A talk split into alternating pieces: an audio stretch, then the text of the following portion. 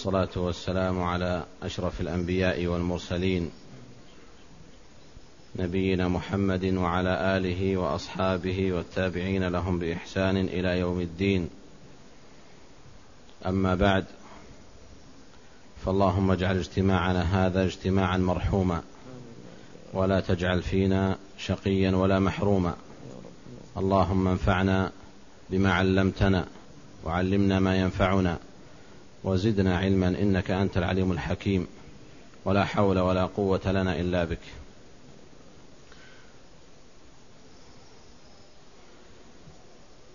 في هذا اليوم نواصل الحديث فيما يتعلق بنظم الأصول الثلاثة الذي هو إسراج الخيول. وقد توقفنا عند قول الناظم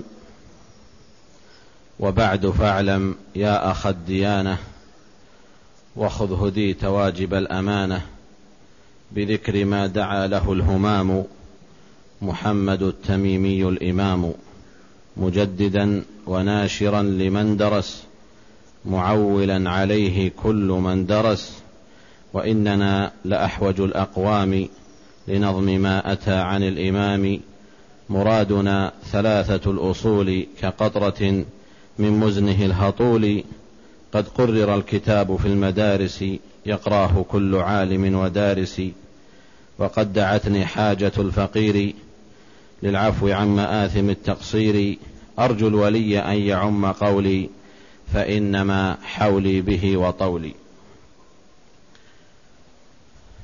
ذكرنا في الدرس السابق المراد بكلمة أما بعد من جهة معناها ومن جهة إعرابها ومن جهة أول من قال هذه الكلمة. وذكرنا أن بعض أهل العلم رجحوا أن أول من قالها هو داود عليه السلام وحملوا معنى قوله تعالى وآتيناه الحكمة وفصل الخطاب وأن فصل الخطاب هي قول أما بعد. أما قول الناظم فاعلم يا أخ الديانة فهنا أمر بالعلم. والأمر اكتسب هنا بالألف. اعلم. ومن حيث اشتقاق هذا الأمر فإن أصل الكلمة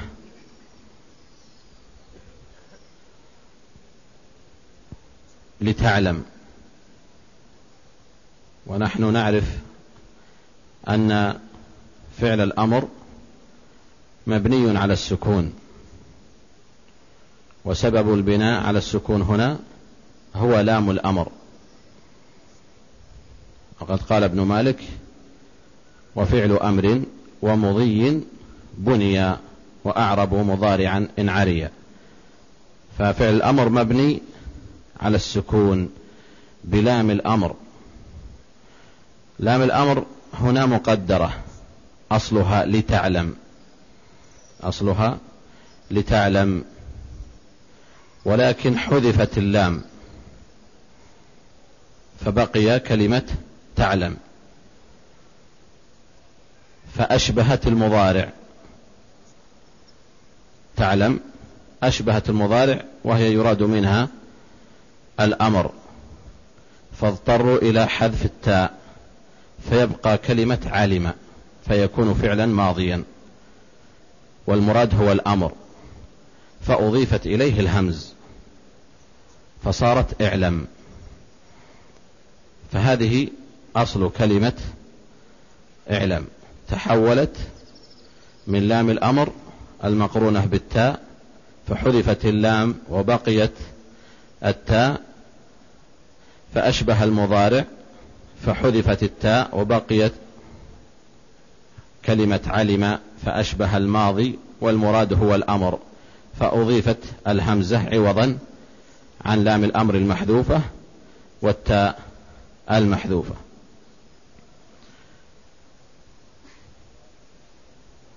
والناظم هنا أمر المستمع والقارئ بأن يعلم. ولم يقل له اسمع وبعد فاسمع أو وبعد فاعرف. لماذا؟ لأن التعبير بالعلم أبلغ وأقوى من حيث الإدراك وهو أعلى مراتب الإدراك. فهو أقوى من المعرفة. ولذلك وصف الله جل وعلا بالعلم ولم يوصف بالمعرفة. مع اختلاف لأهل العلم في ذلك هل يوصف الله بالمعرفة أو لا؟ فبعضهم قال يمكن أن يوصف الله جل وعلا بالمعرفة واستدلوا بحديث ابن عباس المشهور تعرف إلى الله في الرخاء يعرفك في الشدة. يعرفك في الشدة. وأما جمهور أهل العلم فقالوا إنه لا يوصف بالمعرفة وإنما يوصف بالعلم وسمي بالعليم. وسمي العليم. فإذا الناظم هنا أتى بعبارة العلم لتكون أبلغ في التعبير ولأن العلم هو أقوى درجات الإدراك. وأما تعريف العلم وما يتعلق به فسنرجئه إلى الحديث عن قوله في المراتب أولها العلم كذا العبارة فتعرف الله بلا نكارة. فهذا هو موضعها. وأما الفاء هنا في قوله فاعلم المقترنة بفعل الأمر. فالأصل أن الناظم هنا يأمر أمرا التماسيا وليس أمرا واجبا لأنه لا يملك أن يأمر المستمع أو أن يأمر القارئ. لا يملك أن يأمرهم أمر الوجوب لأن الأمر عندنا ينقسم إلى ثلاثة أقسام. إما أن يكون أمرا واجبا وإما أن يكون دعاء وإما أن يكون التماسا. فهذه درجات الأمر وهي تختلف باختلاف الآمر. فإن أمرت من هو دونك كابنك مثلا أو أخيك الأصغر. فالأمر هنا في الظاهر أنه للوجوب فتقول افعل كذا لابنك أو لأخيك الأصغر وذلك لما لك عليه من علو وسلطة. وإن كنت أقل ممن تأمر أو توجه الأمر إليه فحينئذ يكون هذا دعاء. تقول ائت إلي وتعالى يا فلان وهو أعلى منك فهذا دعاء وندبة. وإما أن يكون هذا المأمور متساويا معك. في سنك وسلطتك وعلمك مثلا. فإذا أمرته بشيء فيسمى هذا الأمر التماس. التماس. وهذه الأقسام الثلاثة أشار إليها صاحب سلم المنطق حينما قال أمر مع استعلاء وعكسه دعاء. وفي التساوي فالتماس وقع. أمر مع استعلاء وعكسه دعا وفي التساوي فالتماس وقع. إذا هنا يحتمل قوله اعلم. أي المراتب؟ أقرب ما يكون الثالث للتساوي حتى لا تظلمون ولا نظلم. فلا يكون مع استعلاء ولا يكون من باب الندبة. فنقول هو الالتماس. فالتمس منك أيها المستمع أن تلقي سمعك وبصرك إلى الناظم لتعرف أو تعلم ما يريد طرحه عليك. قوله يا أخ الديانة. هنا حرف الندى مقرون بمضاف ومضاف إليه. يا أخ الديانة. وقوله هنا يا أخ الديانة المراد به الإشارة إلى أخوة الإسلام والدين. لأن الله جل وعلا يقول فإن تابوا وأقاموا الصلاة وآتوا الزكاة فإخوانكم في الدين ومفهومه أن من لم يفعل شيئا من ذلك فليس تقام عليه أخوة الدين. وهل معنى هذا الخطاب ألا يدخل فيه غير المؤمن أو المسلم؟ نقول هذا جرى فيه مجرى الغالب أن مثل هذا العلم والتعليم الأصل فيه ألا يلتفت إليه ويهتم به إلا من كان مسلما. وأما غير المسلمين فهم أبعد ما يكونون عن ذلك. وإلا فلا يمنع أن يكون الخطاب في حقيقته موجها إلى غير المسلم. اعلم أيها المستمع اعلم أيها القارئ ولكن التعبير بأخوة الديانة من باب توثيق الرابطة وأن الغالب في توجيه الخطاب في مثل هذه المؤلفات يكون لإخوانك في الدين من باب النصح لهم. وإلا فلا يمنع أن يكون موجها إلى غير المسلم.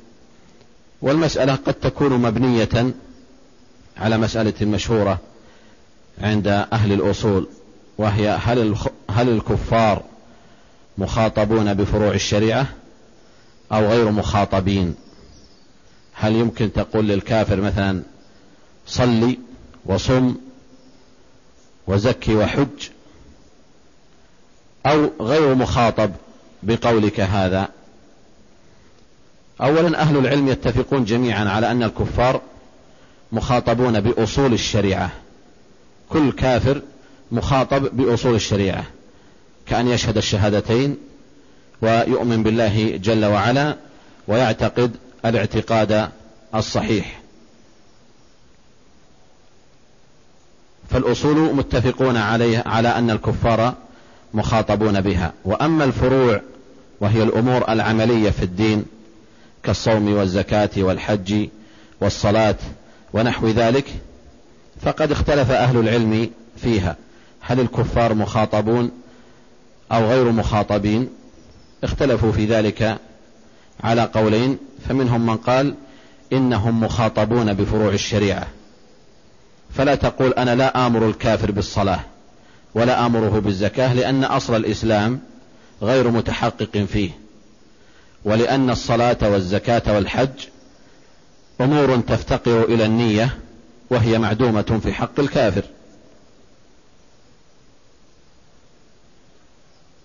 فهذا القول الأول في أنهم غير مخاطبين بفروع الشريعة لافتقارهم إلى أصل قبول العمل وهو الإسلام والنية لأن النية لا تصح من الكافر.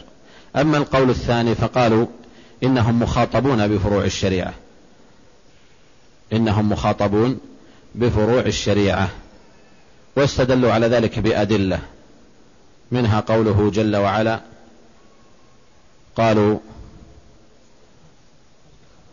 قال أو قالوا ما قال ما سلككم في سقر قالوا لم نكن من المصلين ولم نكن نطعم المسكين وكنا نكذب بيوم الدين وكنا نخوض مع الخائضين حتى أتانا اليقين فهنا ذكر أن سبب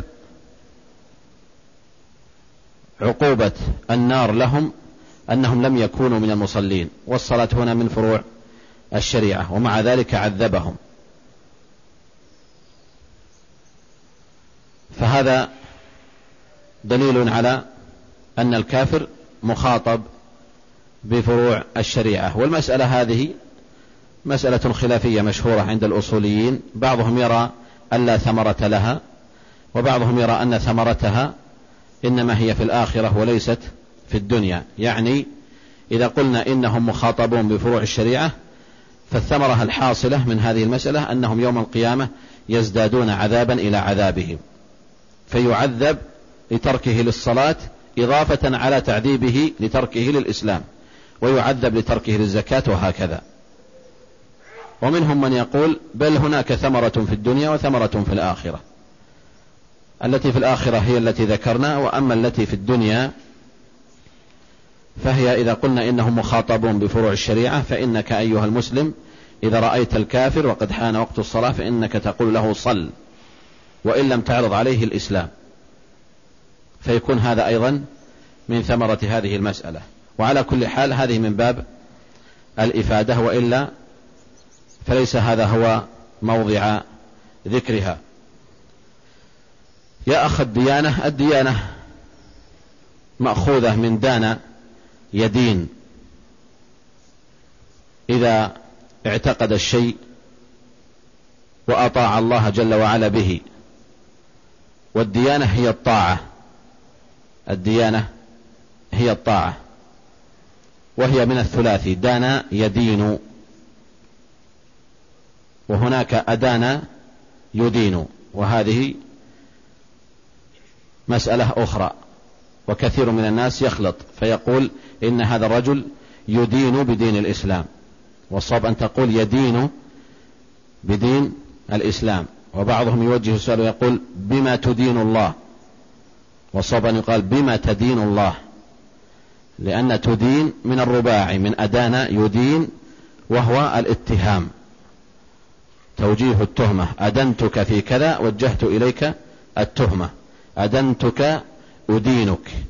لكن إذا قال دان يدين فهنا يدخل في مبدأ الاعتقاد والطاعة. فالديانة هي الطاعة. وهنا نصب المنادى لماذا؟ لأنه مضاف. لأنه مضاف. والمنادى قد يأتي مرفوعا وقد يأتي منصوبا. ومن أحوال النصب أن يكون مضافا أو شبه مضاف. مثل لو قلت يا حسن الوجه يا جميل المنظر يا كريم السجايا. وأما إذا كان من وجه آخر يا زيد العلم يكون هنا مرفوعا. يا رجل كذلك. وقد أشار ابن مالك إلى هذا بقوله كمفرد منكر مضاف وشبهه انصبه بلا اختلاف. وشبهه انصب بلا اختلاف. قوله وخذ هذا أيضا أمر آخر يقال فيه كما قلنا في قول الناظم اعلم وأن أصل خذ لتأخذ. يعني الفعل أمر مبني على السكون باللام المقدرة لتأخذ أصلها. في اللغة أصلها لتأخذ. فحذفت اللام للتخفيف فتكون الكلمة تأخذ فيشبه حينئذ المضارع. فحذفت التاء لئلا يشبه المضارع ويبقى الأمر فقيل خذ. فتكون الكلمة مختصرة من أربع كلمات إلى كلمتين. وخذ هديت واجب الأمانة.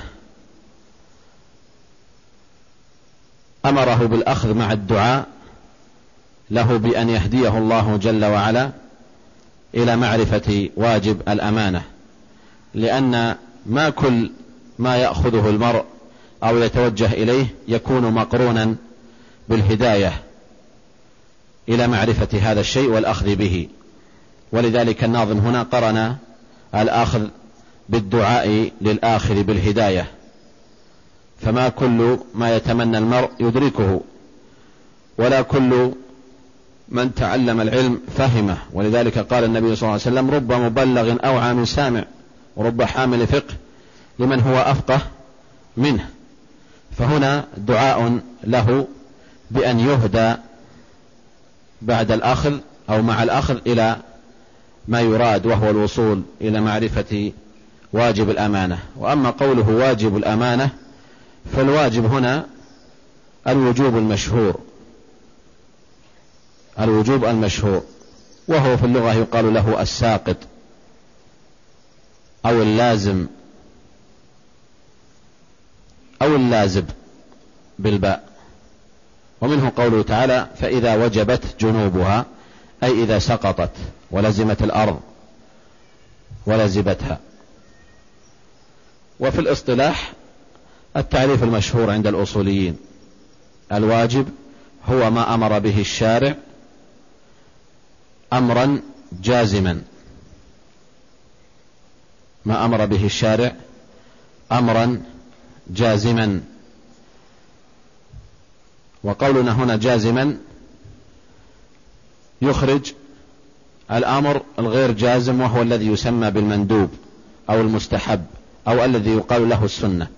فالفرق بين الواجب والسنة هو أن الواجب يكون أمره لازما والسنة يكون أمرها غير لازم والسنة يكون أمرها غير لازم.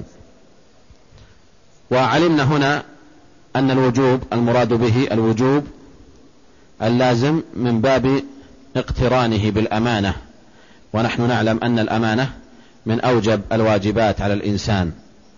لقوله تعالى إنا عرضنا الأمانة على السماوات والأرض والجبال فأبين أن يحملنها وأشفقن منها وحملها الإنسان إنه كان ظلوما جهولا. والأمانة كلمة لها مفهوم واسع. وتقصر أحيانا حسب القرينة بما تضاف إليه. فتقول مثلا أمانة العلم أو أمانة الكلمة.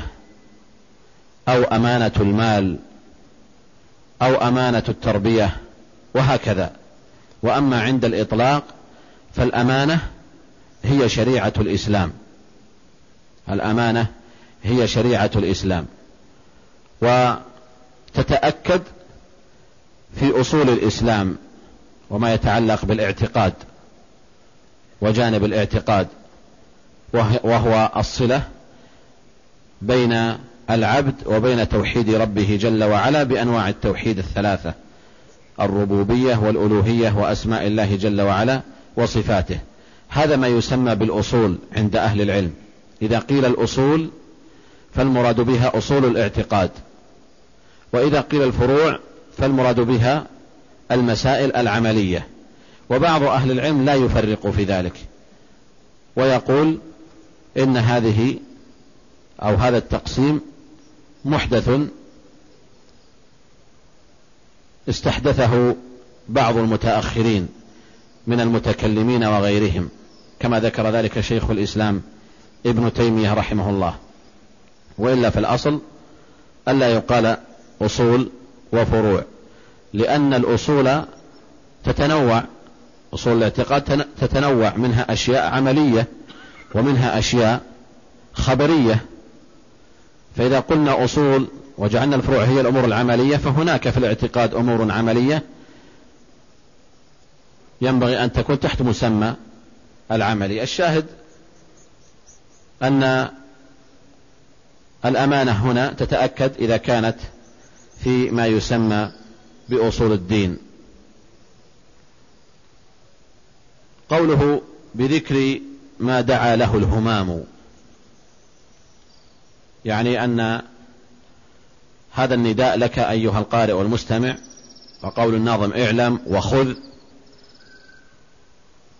واستمع إلى هذه المنظومة التي فيها ذكر ما دعا له الهمام والهمام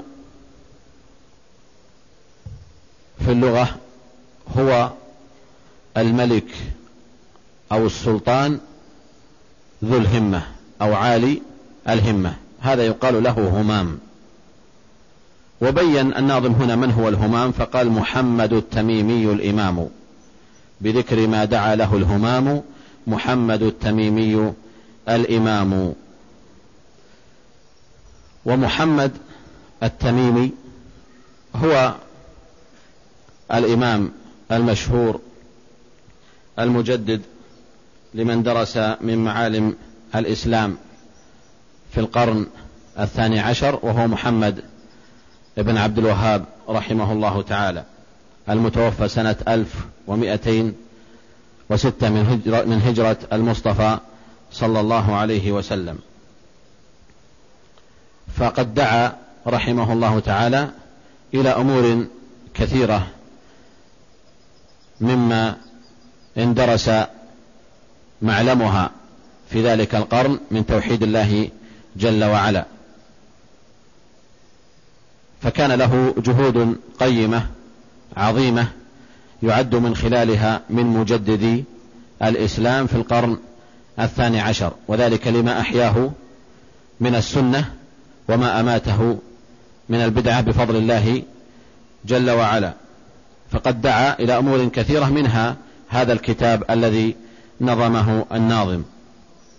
وقوله الإمام الإمام هو الذي يقتدى به. الإمام هو الذي يقتدى به. وتارة يكون هذا الإمام نبيا وتارة يكون كتابا وتارة يكون رجلا. فمن الأول النبي قوله تعالى يوم ندعو كل أناس بإمامهم على أحد التفسيرين. إذ الآية فيها تفسيران. الأول أن المراد بالإمام النبي وقيل المراد بالإمام الكتاب. فإذا يكون على المعنيين وعلى التفسيرين. وأما بالنسبة للرجل فمنه قوله تعالى وجعلناهم أئمة يدعون إلى النار فإذا كان هناك من يكون إماما في الدعوة إلى النار فإن هناك من يكون إماما في الدعوة إلى الجنة. ولا شك أن المجدد رحمه الله هو من أئمة المسلمين. ليس نبيا ولا كتابا وإنما هو مجدد من مجددي الإسلام. قول الناظم هنا مجددا وناشرا لمن درس معولا عليه كل من درس. مجددا حال من قوله دعا له الهمام يعني دعا لهذه الأمور حال كونه مجددا. وهو مأخوذ من التجديد. مأخوذ من التجديد من جدد الشيء. إما أن يكون باستحداثه وهذا نادرا وإما أن يكون بإحيائه بعد إماتته وهذا هو الأصوب والأقرب. أن التجديد هو إحياء الشيء بعد إماتته أو التذكير به بعد نسيانه. فهو رحمه الله يعد من مجددي الإسلام في القرن الثاني عشر. وقد جاء عند أبي داود في السنن أن النبي صلى الله عليه وسلم قال إن الله يبعث على رأس كل مئة عام للأمة من يجدد لها دينها من يجدد لها دينها. ولأهل العلم حول هذا الحديث كلام كثير. ليس هذا موضع سرده ولكنهم في الجملة قالوا إنه بمرور مئة عام في مرور كل مئة عام يبعث الله سبحانه وتعالى لهذه الأمة من يجدد لها دينها. واختلفوا في قضية متى يكون هذا البعث هل هو في آخر القرن أو في أول القرن؟ وذلك مبني على خلافهم في مسألة رأس كل مئة عام. هل المراد بالرأس المؤخرة أو المقدمة؟ على ثلاثة أقوال. منهم من قال المقدمة لأن الرأس الأصل يطلق فيه على المقدمة. ومنهم من قال المؤخرة لورود الإطلاق على ذلك. ومنهم من جمع بين الأمرين. وقال تارة يكون في المقدمة وتارة يكون في المؤخرة. فنعلم أن الخليفة عمر ابن عبد العزيز رحمه الله تعالى من مجددي الإسلام وقد كان في آخر المئة الأولى وتوفي سنة مئة وواحد مئة وواحد ومجيئه قبل ذلك يعني على نهاية المئة الأولى ومع ذلك سميت رأس ومع ذلك سميت رأس. والمجددون خلال هذه القرون كثيرون جدا. بل قد يجتمع في القرن الواحد أكثر من مجدد كما ذكر أهل العلم ذلك. وقد يكون أحيانا في بعض القرون مجددا واحدا. وقد وقد حصر بعض أهل العلم المجددين عبر هذه القرون ومن أشهر من حصرهم حصرا مرتبا هو السيوطي في نظمه المشهور الذي سماه تحفة المهديين بأخبار المجددين. نظم أسماءهم في ستة وعشرين بيتا. وقد اجتهد رحمه الله في حصرهم وإن كان لم يوفق في بعضهم لأنه سلط فكره واختياره على من يوافق رأس المئة دون أن ينظر إلى حقيقة جهد هذا المجدد. ولذلك عد من أوائل أولئك عمر بن عبد العزيز وهذا أمر واقع وصحيح ثم عد بعده الشافعي رحمه الله ثم عد بعد ذلك الباقلاني. ثم عد بعد ذلك الرازي. وعد أيضا الغزالي. وهؤلاء عند التحقيق ليسوا من مجددي الإسلام. ليسوا من مجددي الإسلام بل ممن وقعت لهم ضلالات كثيرة لا من جهة علم الكلام والتوسع فيه. ودخول الانحراف إلى كثير من أوساط المسلمين من خلال هذا الفن ولا من خلال واقعهم العملي كما أنه ذكر أبا الحسن الآشعري كذلك. وقد أصاب في ذكر ابن دقيق العيد رحمه الله على أنه من المجددين. فكان السيوطي هنا يراعي من عاصر تلك المئة. ولذلك لم يذكر مثلا الإمام أحمد رحمه الله وهو من مجددي الإسلام بلا إشكال.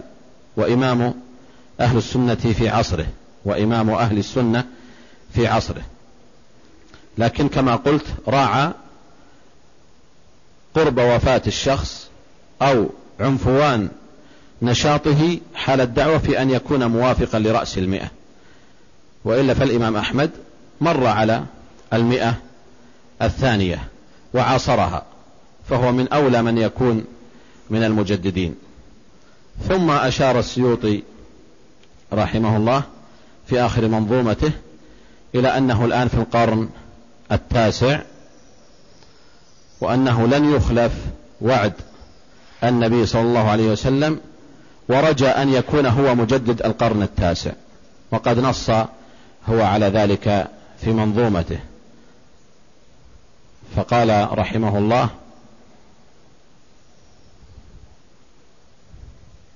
وهذه تاسعة من المئين قد أتت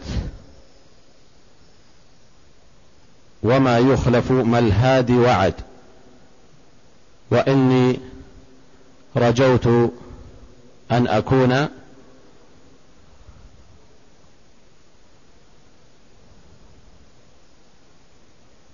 وإني رجوت أن أكون فيها ففضل الله غير محد أو لا يحد. المهم أنه رحمه الله رجى أن يكون هو المجدد في هذه المئة التاسعة وهو بلا شك كانت له جهود عظيمة في بعض العلوم لكنها لم ترتقي إلى المستوى الذي قد يوصف من خلاله بالتجديد بل كانت له مواقف أقرب ما توصف بحاطب الليل في كثير من المسائل والدخول في أمور لا يدخل فيها أمثال المجددين وتتبع بعض المسائل الغريبة واختيار الألفاظ أو بعض الأمور الشاذة كاختياره مثلا أن والد النبي صلى الله أن والدي النبي صلى الله عليه وسلم في الجنة. وخالف في ذلك حديث النبي صلى الله عليه وسلم المشهور الذي قال فيه إن أبي وأباك في النار. وكذلك أيضا أوقع نفسه في تتبع بعض الغرائب كتتبع أسماء الكلاب. حينما قال أبو العلاء المعري إن للكلب تسعين اسما أو نحو ذلك من لم يحصها فهو فهو كلب. وأبو العلاء المعري معروف بمثل هذه الأمور. فالسيوطي اضطر رحمه الله أن يجمع أسماء الكلاب في كتاب كامل وسماه التبري من معرة المعري. ولا شك أن المجدد لا يدخل نفسه في مثل هذه الأمور وأبو العلاء المعري الوقوف أمامه أقرب إلى التعري لأنه له فسقه المشهور وهو الذي كان يقول في اللاذقية ضجة ما بين أحمد والمسيح هذا بناقوس يدق وذا بمئذنة يصيح كل يمجد دينه يا ليت شعري ما الصحيح. وهو الذي قال أيضا إذا ما ذكرنا آدما وفعاله وتزويجه بنتيه بابنيه في الخنا علمنا بأن الناس من أصل فاجر وأن جميع الناس من عنصر الزنا. ولذلك رد عليه القائل المشهور ملزما له قال وهكذا إقرار الفتى لازم له وفي غيره لغو كما جاء شرعنا فإذا كنت يا أبا العلاء تقول إن جميع الخلق من عنصر الزنا فأنت منهم وهذا لا يلزمنا وهكذا إقرار الفتى لازم له وفي غيره لغو كما جاء شرعنا الحاصل هذا ما يتعلق بالحديث عن التجديد والسيوطي في عده وقف عند المئة التاسعة. ولا شك أن هناك من أهل العلم من أتى بعد ذلك وهم مشاهير كبار من أشهرهم شيخ الإسلام ابن تيمية رحمه الله تعالى وبعض تلاميذه رحمهم الله كابن القيم والمزي وكذلك أيضا الذهبي وكذلك الحافظ بن كثير وكذلك ابن عبد الهادي. كل هؤلاء من تلامذة شيخ الإسلام رحمه الله من مجددي الإسلام لا سيما في الأصول لا سيما في الأصول. قوله وناشرا من النشر من النشر وقد يكون من النشر والنشر يكون بمعنى الإنبات للشيء الميت. ومنه قوله تعالى فأنشرنا به بلدة ميتا يعني أحييناها وأنبتنا فيها النبات بعد إنزال الغيث. ومنه الانتشار انتشار الشيء إن كان حسيا ملموسا فهو تجمعه وانتشاره وإن كان مسموعا فهو ذيوعه. والمسموع كما لو يقال انتشر الخبر أو نشر الخبر. بمعنى أنه قد ذاع. وأما إذا كان ملموسا فهو التجمع مع الانتشار ومنه قوله تعالى وهو الذي يرسل الرياح نشرا بين يدي رحمته على قراءة. نشرا بين يدي رحمته. ومنه أيضا النشر وهو الإحياء بعد الإماتة. الإحياء بعد الإماتة ومنه قوله تعالى ثم إذا شاء أنشره. ثم إذا شاء أنشره. وأي هذه المعاني يريد الناظم هنا؟ أي هذه المعاني يريد الناظم بقوله وناشرا وهي حال. نقول الناظم أرادها كلها. لأن كل هذه المعاني تجتمع في المجدد. فيكون ناشرا لهذا العلم بمعنى أنه بلغه وأذاعه بين الناس ويكون ناشرا لهذا العلم بمعنى المنبت له كإنبات الزرع ويكون ناشرا لهذا العلم كالمحيي له بعد إماته. كالمحيي لهذا العلم بعد الإماتة. وهذه المعاني كلها أرادها الناظم في قوله وناشرا لمن درس؟ لما؟ مصدرية هنا بمعنى الذي أي للذي اندرس واندرس هنا من درس الشيء إذا عفى وزال وخفي. يقال درس المنزل إذا اختفى. بأي نوع من أنواع الاختفاء سواء كان بالهدم أو بأن يخسف به مثلا أو بأن تغطيه الرمال. فيقال درس المنزل. درس المنزل. وهنا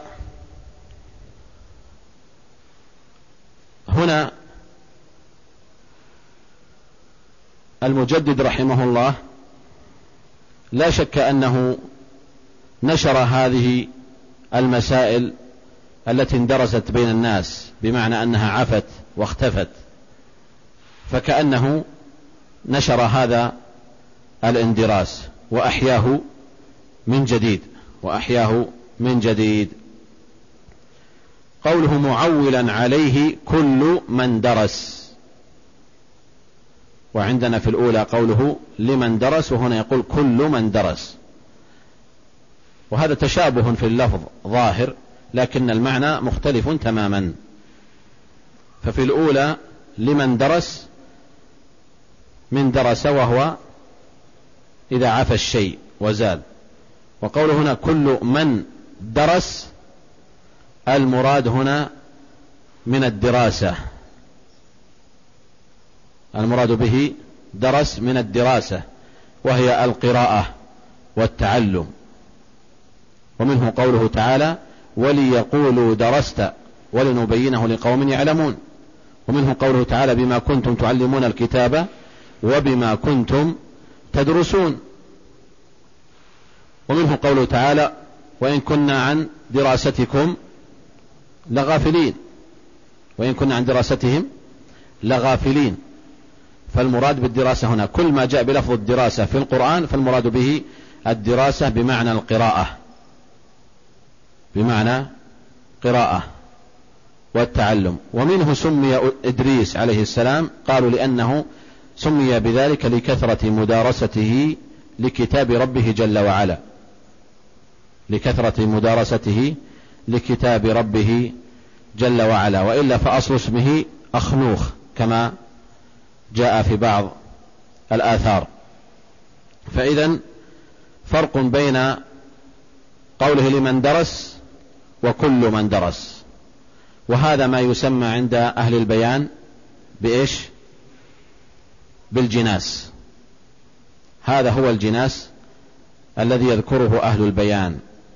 والجناس هو ما اتفق فيه كلمتان أو أكثر في, المع... في اللفظ دون المعنى. في اللفظ دون المعنى. فهنا عندنا درس ثلاث كلمات متفقة في لفظ واحد. هنا درس وهنا درس. لكن هنا بمعنى الزوال وهنا بمعنى القراءة. وهنا بمعنى الدراسة التي هي القراءة والتعلم. فسمي جناسا لاتفاقه في اللفظ واختلافه في المعنى. وإن كان أيضا أهل البيان يقسمونه إلى قسمين أو يقسمونه إلى قسمين تام وناقص والتام هو الذي أمامنا الآن. إذا قيل من أي الجناس فنقول هو من الجناس التام لاتفاق الألفاظ. وأما الجناس الناقص فهو ما اختل فيه هذا التوازن بحيث يتفق في بعض الكلمات دون الأخرى مثل قوله تعالى وهم ينهون عنه وينأون عنه اتفقا في الكلمات الحروف الأخيرة واختلف في أوائل الحروف والمعنى مختلف فكان جناسا ناقصا غير تام. قوله معولا عليه من عول الشيء عليه تعويلا أي أدل عليه دلالة وحمل عليه. هذا معنى التعويل هنا. ومعناه العام أن هذا الذي يذكر الآن عن الإمام رحمه الله حال كونه معولا عليه كل من يدرسون علم الأصول الثلاثة أو كتاب الأصول الثلاثة. بمعنى أن من جاء بعد الشيخ رحمه الله كلهم عاله عليه في هذه المسائل ويرجعون إليه فيها وذلك لسبقه إليها وإحيائها بعد الإماتة وهو الذي جمعها بهذا المعنى وفي هذا المكان الواحد. فكل من درس بعد ذلك أو درس فإنه عاله على الشيخ رحمه الله تعالى فهم يعولون عليه. قوله كل من درس هنا أتى بلفظة كل وهي تحتمل أن يراد العموم لأن كل دخلت على النكرة هنا. وإذا دخلت على النكرة فإنها تعم. فيكون كل من يدرس هذا الكتاب هو عالة. على مؤلفه الأصل وهو الشيخ رحمه الله. ويمكن أن يقال هو من العموم الذي أريد به الخصوص. ولا يعني أن كل من يدرس فهو معول على الشيخ رحمه الله لأنه قد يكون اكتسب هذا المعنى وهذه المسائل من غير طريق الشيخ رحمه الله فيكون من باب العموم الذي أريد به الخصوص.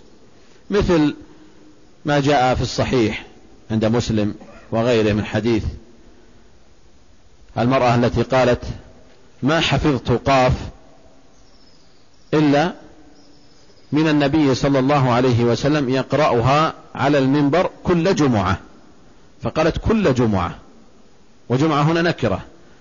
ولذلك فهم منه بعض أهل العلم أنه يسن أن تقرأ أن يقرأ الخطيب سورة قاف في كل جمعة كالنووي وغيره. قالوا يستحب. أخذا بورود لفظة كل مع النكرة هنا. ولكن يقال وهو الجواب الأقرب والذي اختاره جماعة من المحققين أنه عموم أريد به الخصوص أنه كان يقرأ قاف كثيرا لكن ليس في كل جمعة.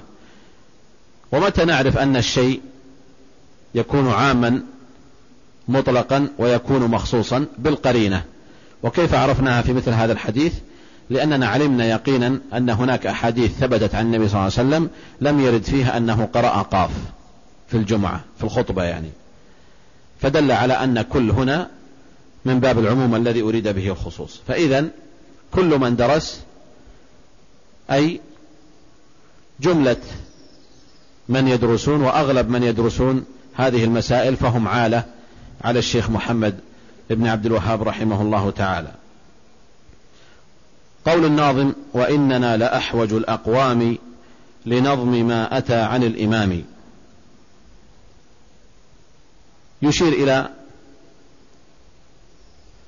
أننا نحن طلبة العلم بحاجة ماسة إلى النظم الشعري الذي يقرب إلينا جملة المسائل. ومن ذلك جملة المسائل في الأصول الثلاثة والمسائل الأربع التي ذكرها الشيخ محمد بن عبد الوهاب. فيقول نحن أحوج الناس إلى أن ننظم أو نوجد نظما يسهل لنا حفظ هذه المسائل لأن الحفظ للشيء إذا كان نظما شعريا يكون أبلغ وأثبت وأقوى مما لو كان نثرا. مما لو كان نثرا. فيقول وإن أحوج الأقوام يعني الأقوام من طلبة العلم لنظم ما أتى عن الإمام وهو الشيخ محمد بن عبد الوهاب ثم يبين ما هو الذي أتى عنه لأنه أتى عنه أشياء كثيرة وكتب كثيرة من أشهرها كتاب التوحيد وكذلك كشف الشبهات والقواعد الأربع المهمة وغيرها كثير حتى في الفقه وفي الحديث. فهو له كتب كثيرة له باع طويل في الفقه رحمه الله وله, وله باع طويل كذلك في الحديث بل له كتاب في الحديث جمع فيه أكثر من خمسة آلاف حديث. وكان يحكم بعد كل حديث ويشير إلى صحته وضعفه ما استطاع. لكن أراد المؤلف أن يبين أن المراد هو نظم شيء معين من كتب الإمام رحمه الله تعالى. فقال مرادنا ثلاثة الأصول كقطرة من مزنه الهطول من مزنه الهطول. ثلاثة الأصول هذا الكتاب المشهور الذي ألفه الشيخ رحمه الله تعالى وهو الذي سنواصل شرحه بإذن الله تعالى من خلال هذه المنظومة. فيقول مرادنا بنظم هنا ثلاثة الأصول كقطرة يعني كشيء يسير قطرة من محيطه ومن مزنه الهطول والمزن هو السحاب. المزن هو السحاب والهطول هو المتتابع. السحاب الممطر الذي يتتابع إمطاره. فكأن الناظم هنا يقول إن هذا الكتاب الذي هو ثلاثة الأصول قطرة من بحر الشيخ رحمه الله وإلا فالشيخ له علم كبير فقارن علمه أو شبه علمه بالسحابة العظيمة التي تمطر.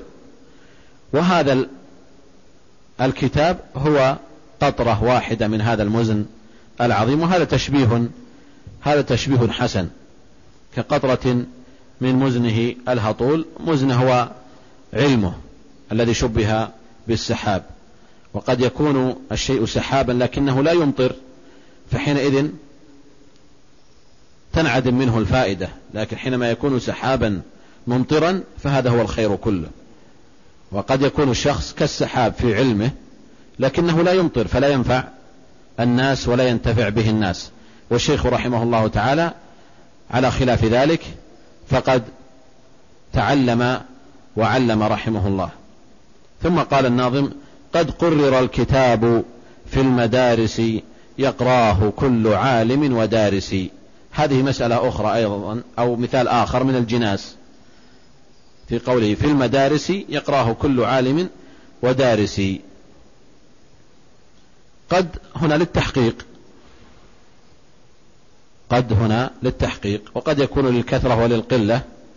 فإن كان في مثل هذه البلاد فهو للكثرة لأن الكتاب يدرس في ميادين كثيرة في التعليم العام وكذلك في حلق الذكر في المساجد وغيرها.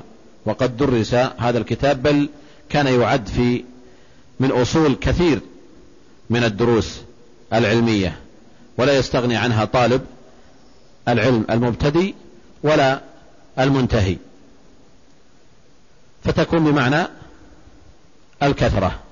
وإن قورنت بالعالم الإسلامي فستكون للقلة لأن كثيرا من ما يدرس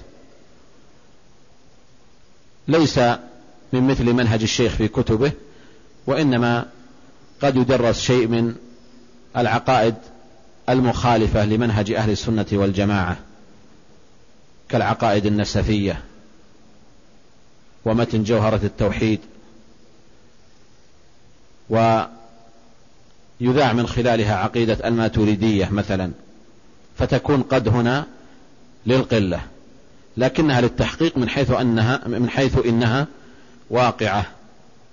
قد قرر الكتاب في المدارس. المدارس كلمة عامة تشمل جميع أنواع المدارس سواء كانت على ما يقال أكاديمية أو كانت كتاتيبية وهي الأصل في المساجد وغيرها. يقرأه يعني يقرأ هذا الكتاب كل عالم ودارسي وكلمة كل هنا أيضا دخلت على نكرة وهي على مثيلتها السابقة يعني يراد به الأغلب من العام الذي أريد به الخصوص. يقرأه كل عالم ودارسي. فهنا الجناس في الأول المدارس من الدراسة والثاني الدارس من إيش؟ من إذا عفى الشيء وزال. إذا عفى الشيء وزال. ومنه قول قائل أحب الدارسين ولست منهم ولكن لا أحب الدارسين. أحب الدارسين ولست منهم ولكن لا أحب الدارسين. ففي الأولى يريد بالدارسين إيش؟ الذين يقرؤون ويتعلمون. ولا يحب الدارسين أي الهالكين الذين عفى أثرهم وزالوا فلم يستفيدوا من هذه الدراسة. ثم قال وقد دعتني حاجة الفقير للعفو عن مآثم التقصير. بين الناظم هنا أن الداعي إلى هذا النظم وإنشائه هو حاجة الإنسان إلى العمل الصالح وإلى العلم والتعليم والتوجيه. ولا شك أن هذا الذي يدعى إليه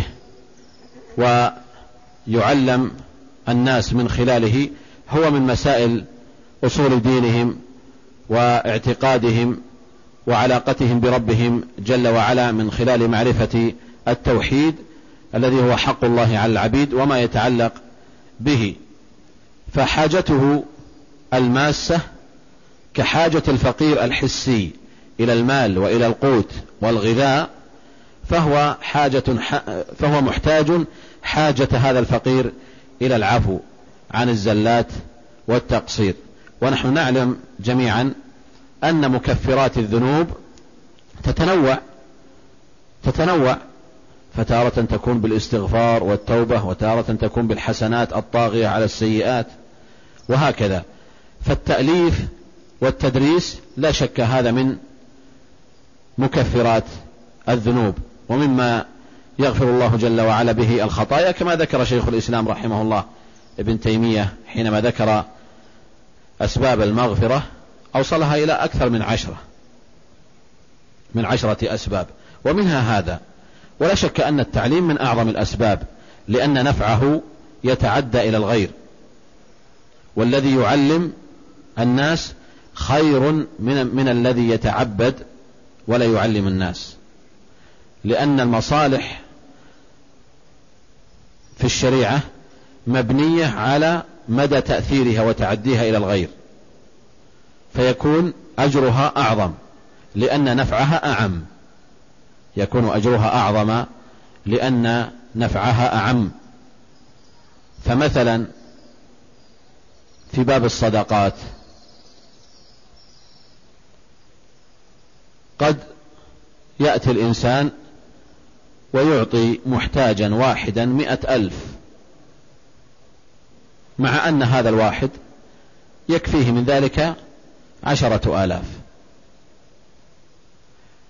فأي أيهما أعظم أن يعطيه المئة وهو محتاج إلى عشرة أو أن يوزع هذه المئة على عشرة مثله؟ من حيث الأجر من حيث الأجر يكون هذا التوزيع أعظم. لأنه يطعم فيه هذا المسغبة وينقذه من تهلكة. وهذه هي فك الرقبة التي قال الله عنها فلا اقتحم العقبة. وما أدراك ما العقبة؟ فك رقبة أو إطعام في يوم ذي مسغبة. فأنت بهذه المئة كأنك اعتقت عشر رقاب وقعت في المسغبة. لكن إذا صرفتها إلى واحد كانت إليه. فالأجر في هذا يختلف عن الأجر في هذا. لو أتى رجل وقال أنا أريد